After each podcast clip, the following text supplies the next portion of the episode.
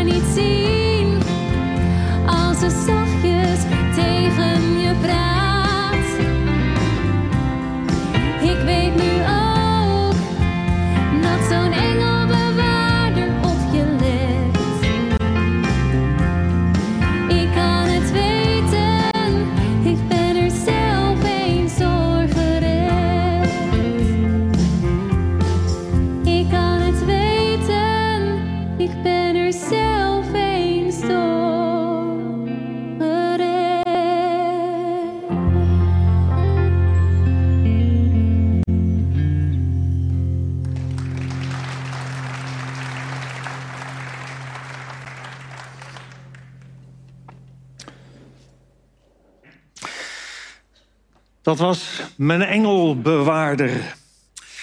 Ja, dat nummer staan we vandaag bij stil in de tweede deel van de serie Met Andere Oren.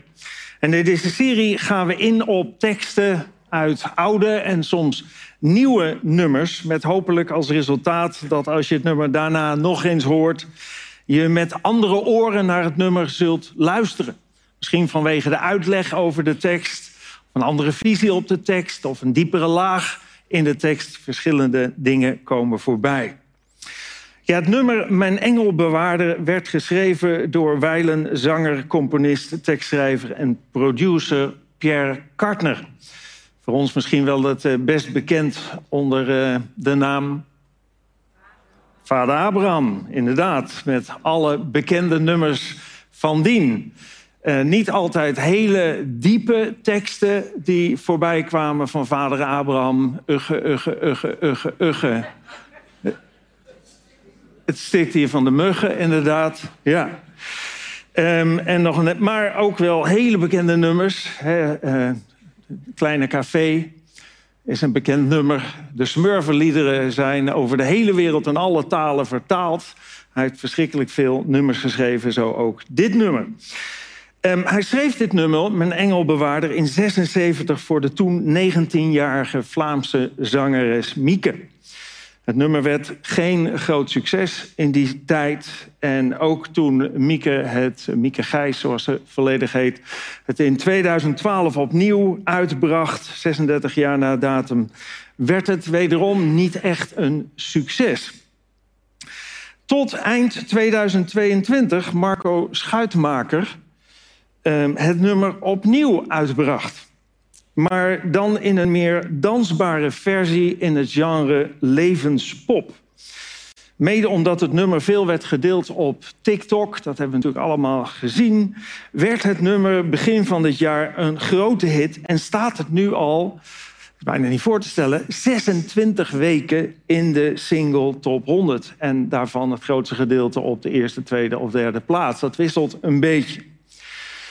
Beluister even een heel klein stukje van zijn versie van Marco Schuitmaker. Ik weet nu dat er een engelbewaarder bestaat. Je kunt haar niet zien als ze zachtjes tegen je praat. Ik weet nu ook dat zo'n engelbewaarder op je let. Ik kan eens door gered.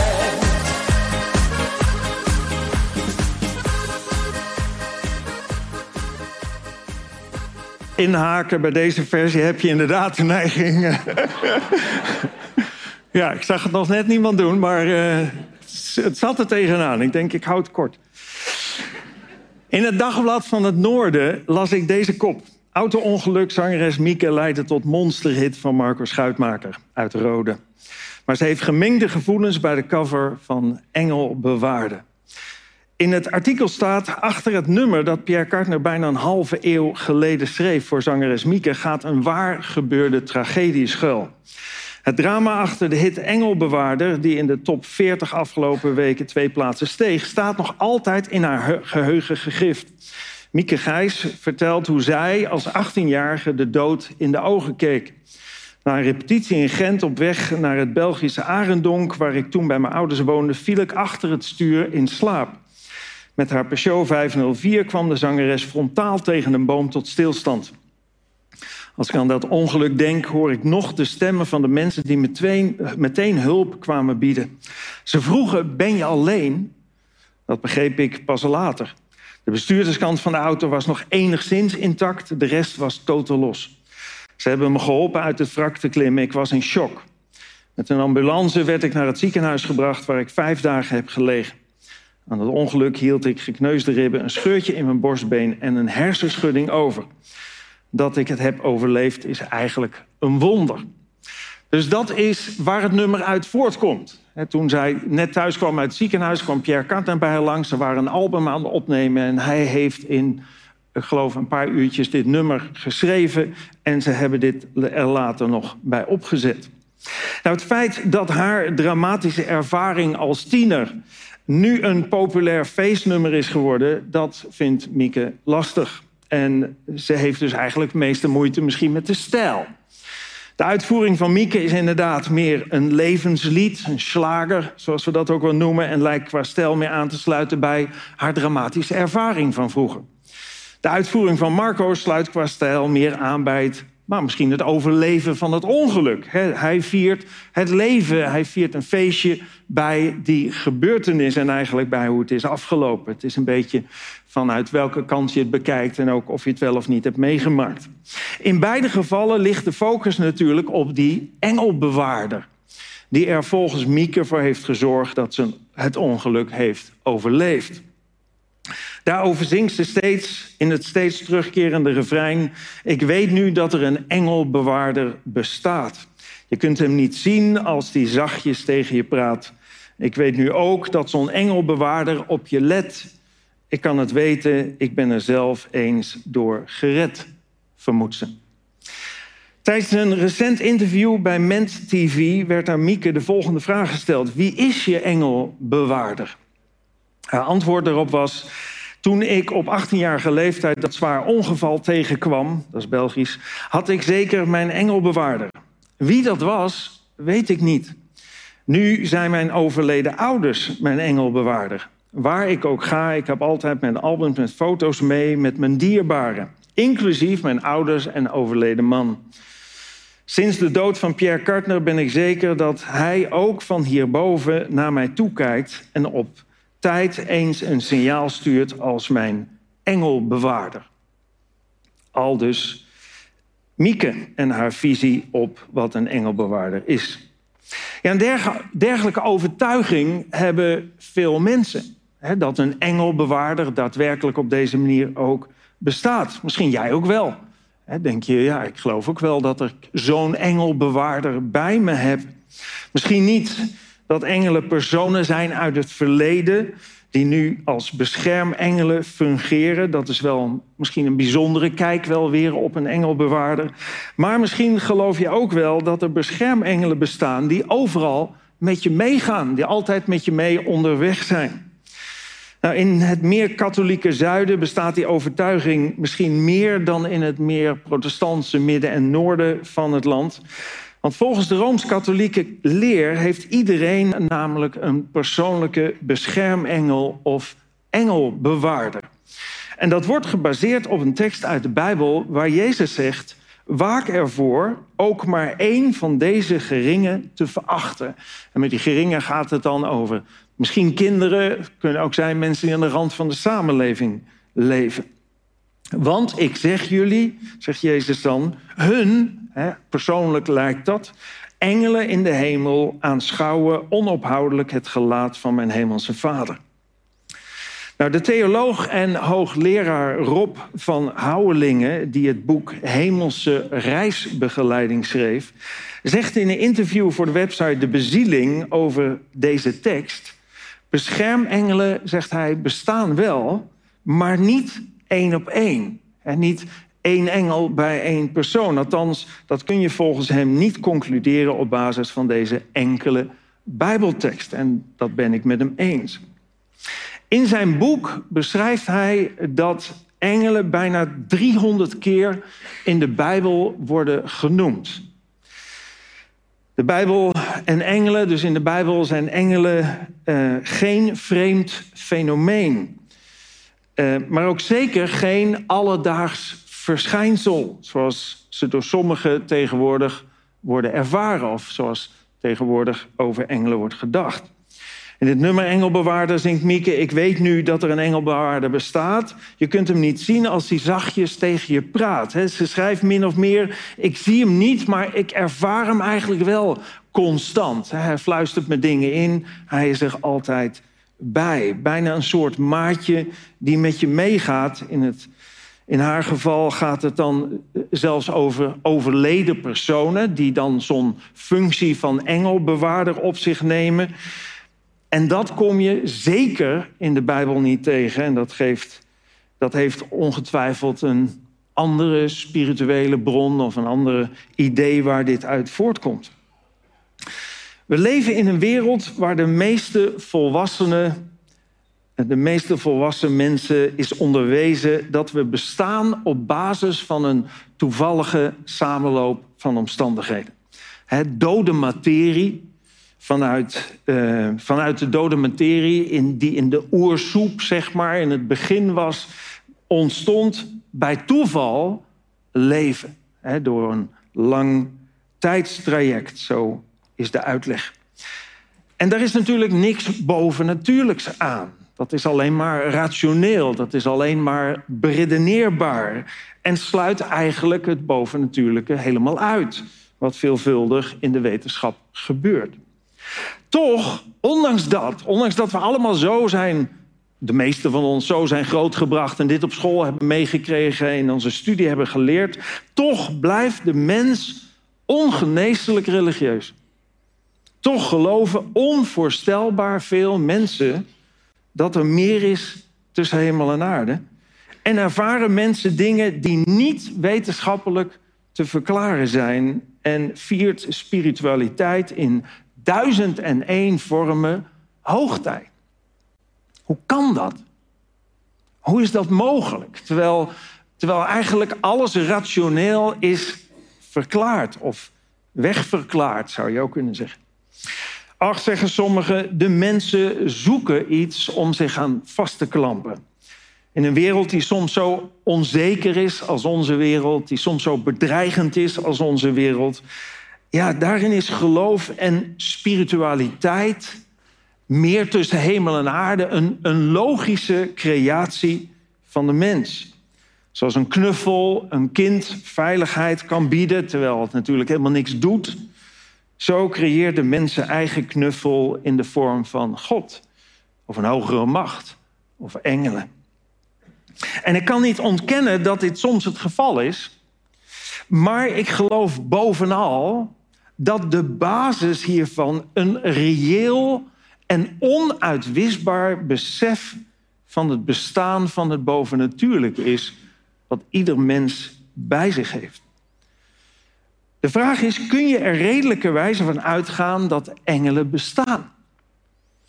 Nou, als het bovennatuurlijke bestaat, dat de meeste mensen ergens wel dat gevoel hebben, dan zou redelijkerwijs in dat bovennatuurlijke ook, zouden engelen ook kunnen zijn. Ik heb er nooit een gezien, maar op grond van de Bijbel, wat voor mij een bewezen, betrouwbaar verslag, een betrouwbaar boek is, geloof ik zeker dat engelen bestaan.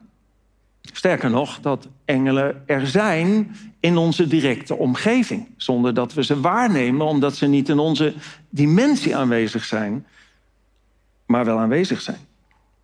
Ja, wat is er vanuit Bijbels perspectief over engelen te zeggen?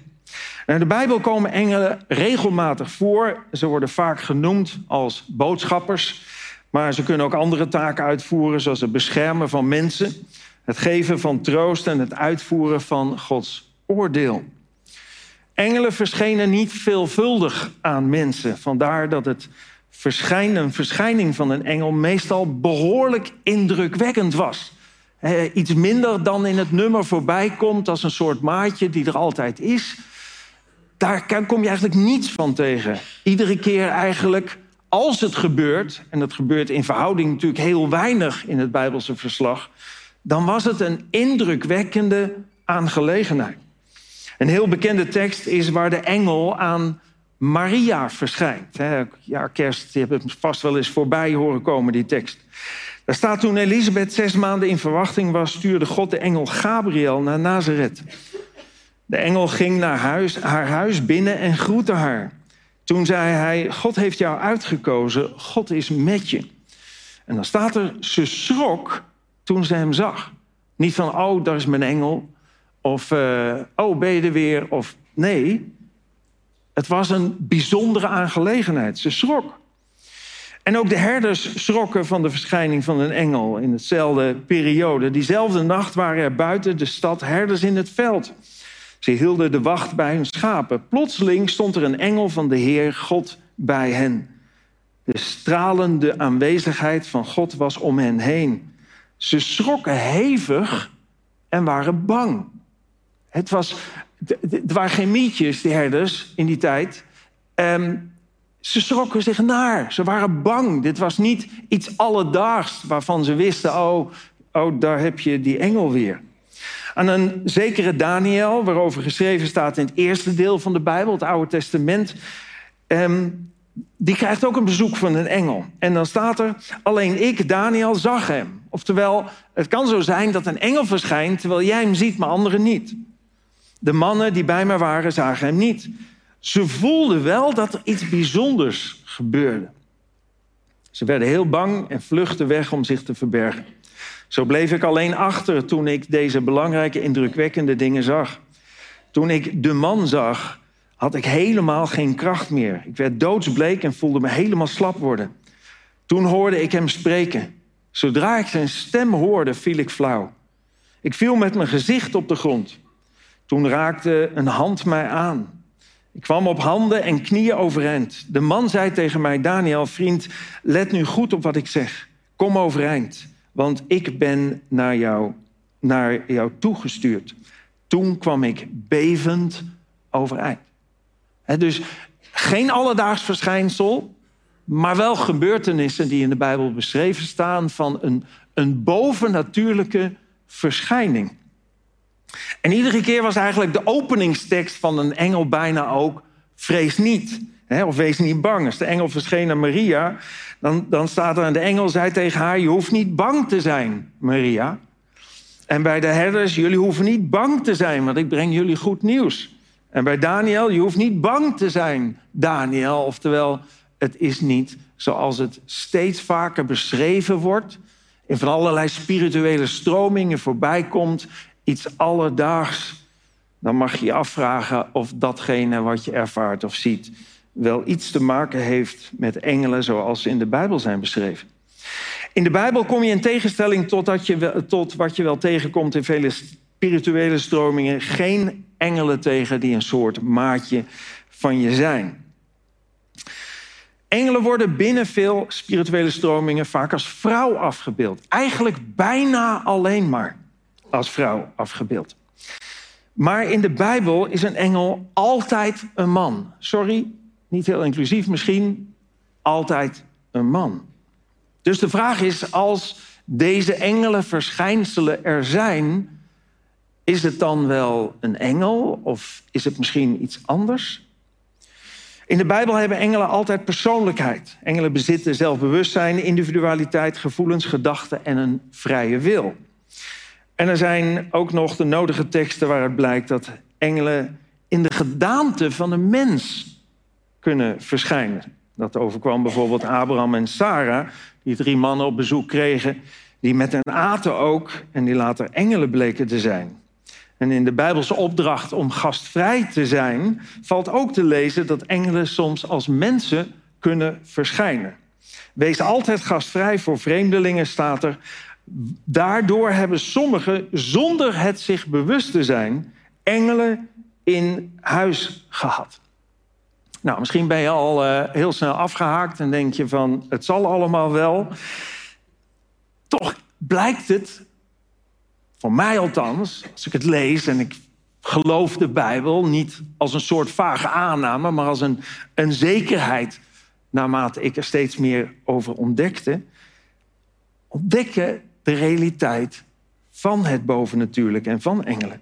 En ik zou vanuit de Bijbel nog wel een heel aantal dingen kunnen zeggen over engelen, maar dan heb ik geen tijd meer voor iets dat veel belangrijker is. En dat is namelijk het feit dat veel mensen, net als Mieke, een bepaalde zekerheid vinden in het ervaren van engelen of andere spirituele belevingen, waarbij die beleving heel reëel is, daar wil ik niets aan afdoen, maar waarbij, vrees ik, in de meeste gevallen niet engelen, maar gevallen engelen, ook wel demonen, de bron van die beleving zijn. Wat uiteindelijk geen zekerheid, maar gebondenheid oplevert. Ik geloof namelijk niet alleen in het bestaan van engelen, maar ook in het bestaan van demonen. En die zijn op aarde zeer actief en het gevaarlijke daaraan is dat ze zich kunnen voordoen als prachtige engelen. Die ons verlangen naar het bovennatuurlijke en het verlangen naar bovennatuurlijke ervaringen en onze zoektocht naar houvast graag willen bevredigen, ons daar graag in tegemoet willen komen. Maar als we eenmaal met hen verbonden zijn, die relatie aangaan, zullen ze niets dan schade berokkenen. Er staat in de Bijbel Satan, dat eh, betekent tegenstander. Zelf, Satan zelf kan zich voordoen als een engel van het licht. Het is dan ook geen wonder dat zijn handlangers zich voordoen als oprechte dienaren van God. Het kwaad kan zich voordoen als het goede.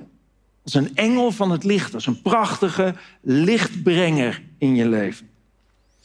En een van de drie voornaamste engelen, genaamd Lucifer, helemaal in het begin van de tijd, werd volgens het verslag van de Bijbel hoogmoedig. Hij wilde aan God gelijk zijn. Hetgeen uiteindelijk leidde tot zijn ondergang. En in zijn kielzog betekende dat ook de ondergang van een derde van de engelen die met hem meeging in die hoogmoed.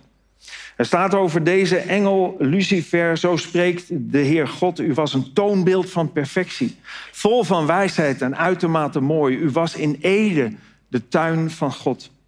U was een kerub, dat is een ander woord voor engel, met uitgespreide vleugels. Tot bewaker had ik u aangesteld. De heilige berg van God was uw verblijfplaats.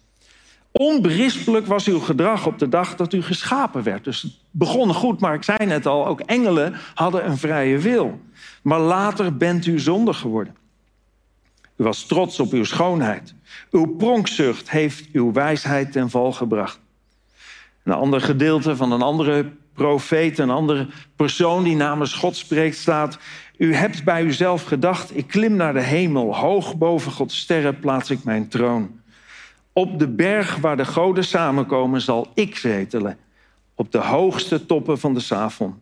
Ik stijg hoog op de wolken en word aan de Allerhoogste gelijk. Maar nu bent u in het dodenrijk geworpen, in het diepst van de afgrond. In zijn val trok Satan dus een derde van de engelen met zich mee. En sindsdien zijn dit, worden dit in de Bijbel gevallen engelen of demonen genoemd, die zeer actief zijn in de wereld waarin we leven. De duivel doet er samen met zijn handlanger. Duivel betekent, komt van het Griekse diabolos. Dat is hij die de zaken verwart, de door elkaar gooier. De duivel doet er samen met zijn handlanger sindsdien alles aan om ten eerste de mens tot zonde te verleiden, bij God weg te trekken. Net zolang tot er een breuk tussen God en de mens ontstaat. En vervolgens doet er alles aan om te voorkomen dat we bij God terugkomen. En dat laatste, voorkomen dat we bij God terugkomen, doet hij op duizend en één verschillende manieren. Zeker ook middels allerlei vormen van godsdienst en spiritualiteit, die de mens valse veiligheid bieden en erger nog, waardoor de mens gebonden raakt. Op dit moment is naar aanleiding van de film Barbie dit speelgoed op de markt gekomen. Een zogenaamd Ouija-board, een letterbord, waarmee je contact kunt leggen met het bovennatuurlijke. Mysterieus orakel staat er op de doos. Spannend. Mysterieus orakel. Een orakel geeft antwoorden die je zoekt. En dat staat er ook. stel de vragen die meisjes willen weten. En er is ook een blauwe versie. stel de vragen die jongens willen weten. Jonge kinderen kunnen nu boodschappen doorkrijgen uit de spirituele wereld. En weet je wat het probleem is? Dit is geen spelletje. Dit werkt echt. Niet altijd en niet bij iedereen. Maar bij heel veel wel. En je weet nooit of het bij jou werkt. Want het is levensgevaarlijk. Het bestaat al heel lang. Deze occulte dingen bestaan al heel lang. Op heel veel middelbare scholen was, en ik weet niet of dat nog zo is, bijvoorbeeld glaasje draaien ook heel populair. Heel spannend om die geestelijke, die spirituele, die bovennatuurlijke wereld te, te benaderen met je vragen die je hebt en antwoorden te krijgen. Maar het is levensgevaarlijk. Heel veel mensen komen in de macht van deze spirituele krachten, van deze demonische krachten, door van allerlei zogenaamd onschuldige, spannende contacten met het bovennatuurlijke. En dat kan via handlezen, via waarzeggerij, via iriscopie, via tarotkaarten, via pendelen, via glaasje draaien en via nog duizend verschillende manieren. Kun je in contact komen met die bovennatuurlijke wereld. En via echte, het is, is, het is Niet dat het er niet is of dat het niet bestaat. Nee, via echte bovennatuurlijke ervaringen kun je bijvoorbeeld horen over je toekomst. Maar niet heus. Maar wel, hey, hier weet iets of iemand iets van mij wat niemand kan weten. Dat klopt, want demonen nemen net zo goed waar als engelen. Je kunt op deze manier in contact komen met overledenen, maar niet heus. Want het zijn de demonen die spreken. Je kunt op deze manier bovennatuurlijke opdrachten geven. En je kunt op deze manier bovennatuurlijke opdrachten krijgen die heel mooi voor je gaan uitpakken, maar niet heus. Het zijn stuk voor stuk beloften die uiteindelijk uitlopen op een binding met het kwaad. Vele alternatieve geneeswijzen komen ook voort uit dezezelfde bron en hebben dezelfde bindingen tot het gevolg. Ja, maar het werkt wel. Ja, dat klopt. Het werkt ook. Maar tegen welke prijs? En voor hoe lang? Het kan leiden uiteindelijk tot depressies, tot doodwensen, tot onverklaarbare gebeurtenissen, nachtmerries, een lijst aan fobieën en nog veel meer ellende. En het probleem is, vaak leg je het verband helemaal niet meer met datgene wat je ooit een keer hebt gedaan of hebt experimenteerd of hebt ondergaan, wat een occult, een occulte lading of een occult fundament had. En hetgene waar je nu mee te dealen hebt.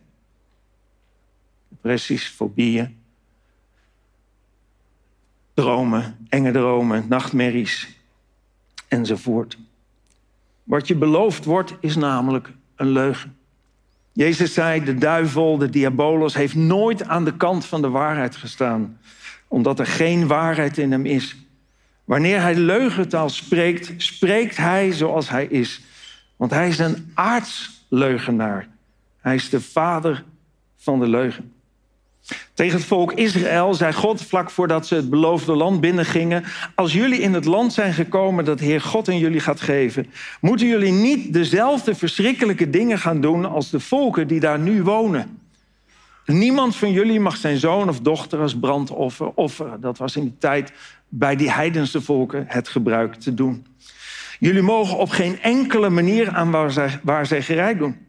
Niet met een wichelroede, niet door voortekens uit te leggen en niet door toverij. Dus niet handlezen of koffiedik kijken of al dat soort dingen. Niet met een. Um, jullie mogen ook geen geesten oproepen. Met geesten praten of de geesten van gestorven mensen om raad vragen. Want de Heer vindt het verschrikkelijk als jullie dat doen. En waarom? Nou, ten eerste omdat ze te raden gaan niet bij de betrouwbare bron die leven en liefde is, namelijk God, hun vader, maar bij zijn tegenstander. En ten tweede omdat hij weet, omdat God weet, hoeveel schade hieruit ontstaat. Hoe spannend en hoe aantrekkelijk het ook is om deze weg te bewandelen. God weet dat ze daarmee een verbinding en dat de mens daarmee een verbinding aangaat met de tegenstander. Zoals het ook gebeurt als we schijnbaar onschuldige spirituele activiteiten doen. Wat in ons land en misschien wel in de hele westerse wereld steeds populairder wordt. En waarom doen we dat? Waarom slaan we die weg wel in? Nou, soms omdat het spannend is, op een andere manier aantrekkelijk. Maar ten diepste omdat we op zoek zijn naar houvast omdat we op zoek zijn naar antwoorden. En ons ergens realiseren, we voelen dat het bovennatuurlijke er is. Dat ons mogelijk kan helpen. Dat ons die antwoorden kan geven. Die, dat ons kan troosten misschien. Dat ons kan verlichten als het donker is. Het is ten diepste een zoektocht naar, naar liefde. Naar rust. Naar vrede. Naar hoop. En dat is ook precies wat je wordt aangeboden. De tegenstander van God weet heel goed waar onze verlangens liggen sinds er een scheiding tussen God en de mens is gekomen. Dat de mens een intens verlangen heeft naar hoop en liefde en rust en vrede en zekerheden. En dat is precies wat je wordt aangeboden, maar helaas niet vanuit een zuivere bron, maar door de tegenstander van God, die het op je ziel voorzien heeft.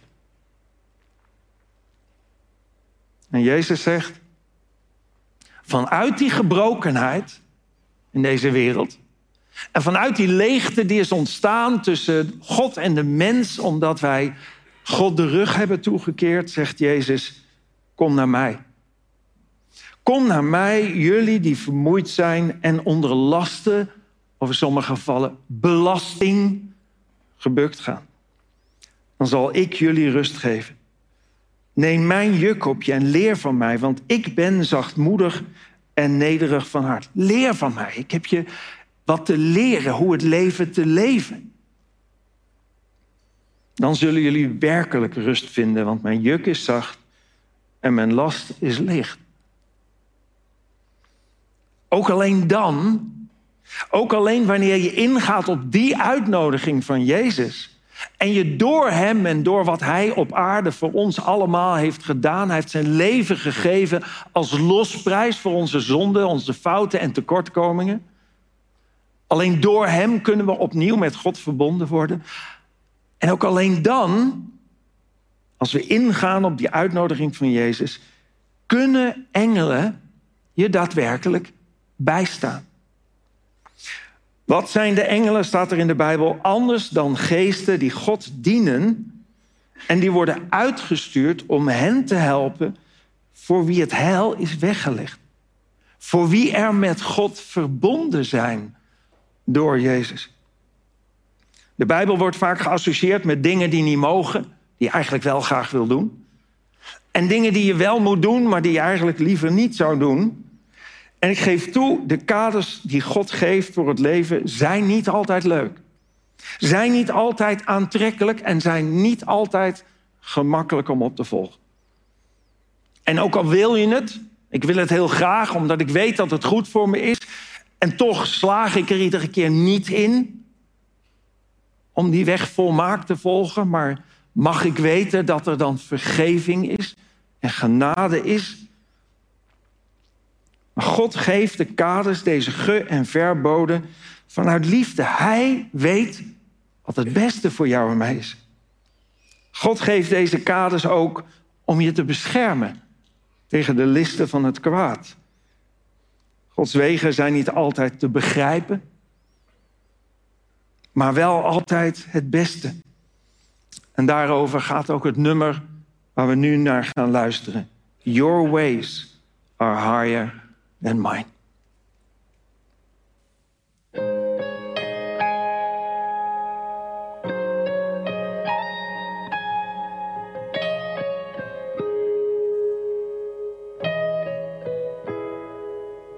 It's not what I prayed for, it's not what I wanted, it's not something I understand. My circumstances seem so confusing. I'm placing it all in your hands.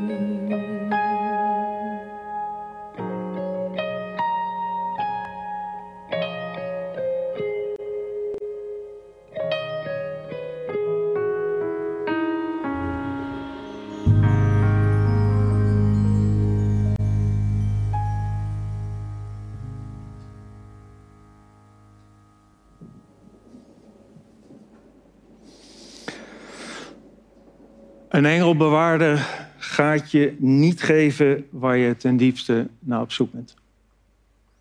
Geen enkele spirituele stroming of ervaring gaat je geven waar je ten diepste naar op zoek bent.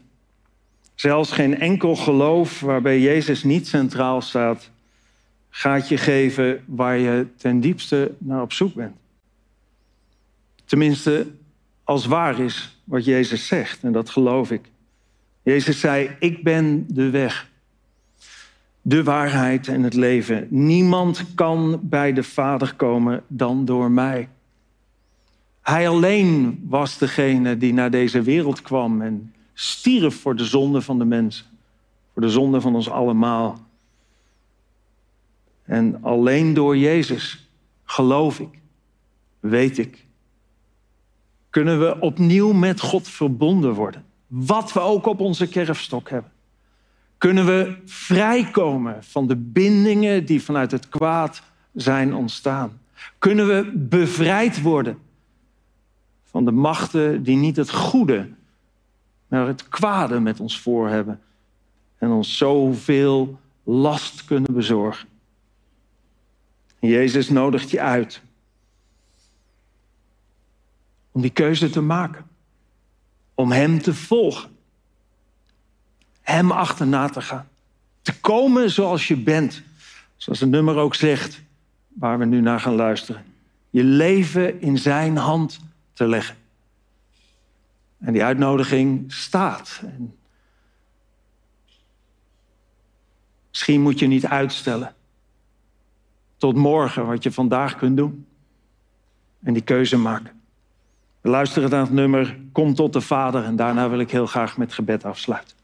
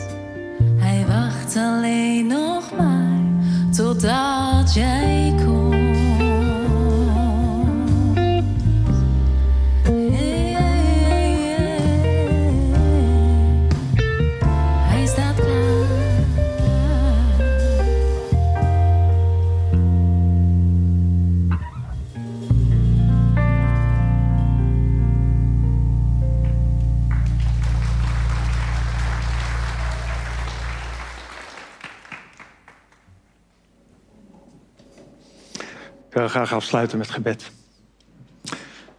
Ja, Heer God, u nodigt ons uit. Ons allemaal, zoals we hier zitten, of dit laten terugkijken of terugluisteren.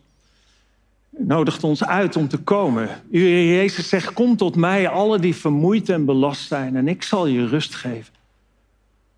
Heer, en dat is zo het verlangen waardoor de hele Bijbel spreekt. Heer, u heeft zo het verlangen om ons los te maken van de banden met het kwaad. En om ons leven te geven met een hoofdletter. Om ons vrede en rust te geven en vooral hoop te geven. In een wereld die er soms zo hopeloos uitziet. Hoop, Heer, die over de grens van de dood gaat. En ik wil u bidden, Heer, voor iedereen die hier zit, voor iedereen die hier naar kijkt, die dit luistert. Heer, als, als uw uitnodiging klinkt, kom tot mij. Kom tot de Vader. Kom zoals je bent. Heer, dan wil ik u bidden of u ons hart wilt aanraken. Als we die stap in ons leven nog nooit hebben gezet. Heer, dan wil ik u vragen, wilt u ons zo aanraken dat we op zoek zullen gaan? Dat we vanuit het verlangen om u te leren kennen, om die waarheid en die, en die liefde te leren kennen, op zoek zullen gaan naar de waarheid.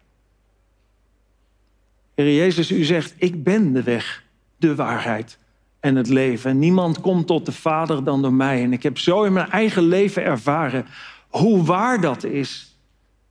En hoe u doet en geeft wat u beloofd heeft. En ik wil u bidden voor iedereen, Heer, die hier zit. Raak ons hart aan. Zodat we niet ons laten afleiden, weglopen bij u. Vasthouden aan de binding die is ontstaan met het kwaad. Maar gaan voor vrijheid, bevrijding en liefde. Uw liefde. Heer, raak ons hart aan. Dat bid ik u zo in Jezus' naam. Amen.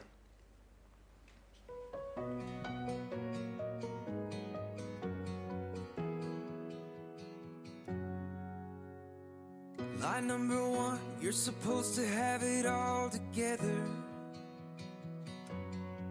And when they ask how you're doing, just smile and tell them never better. Line number two, everybody's life is perfect except yours.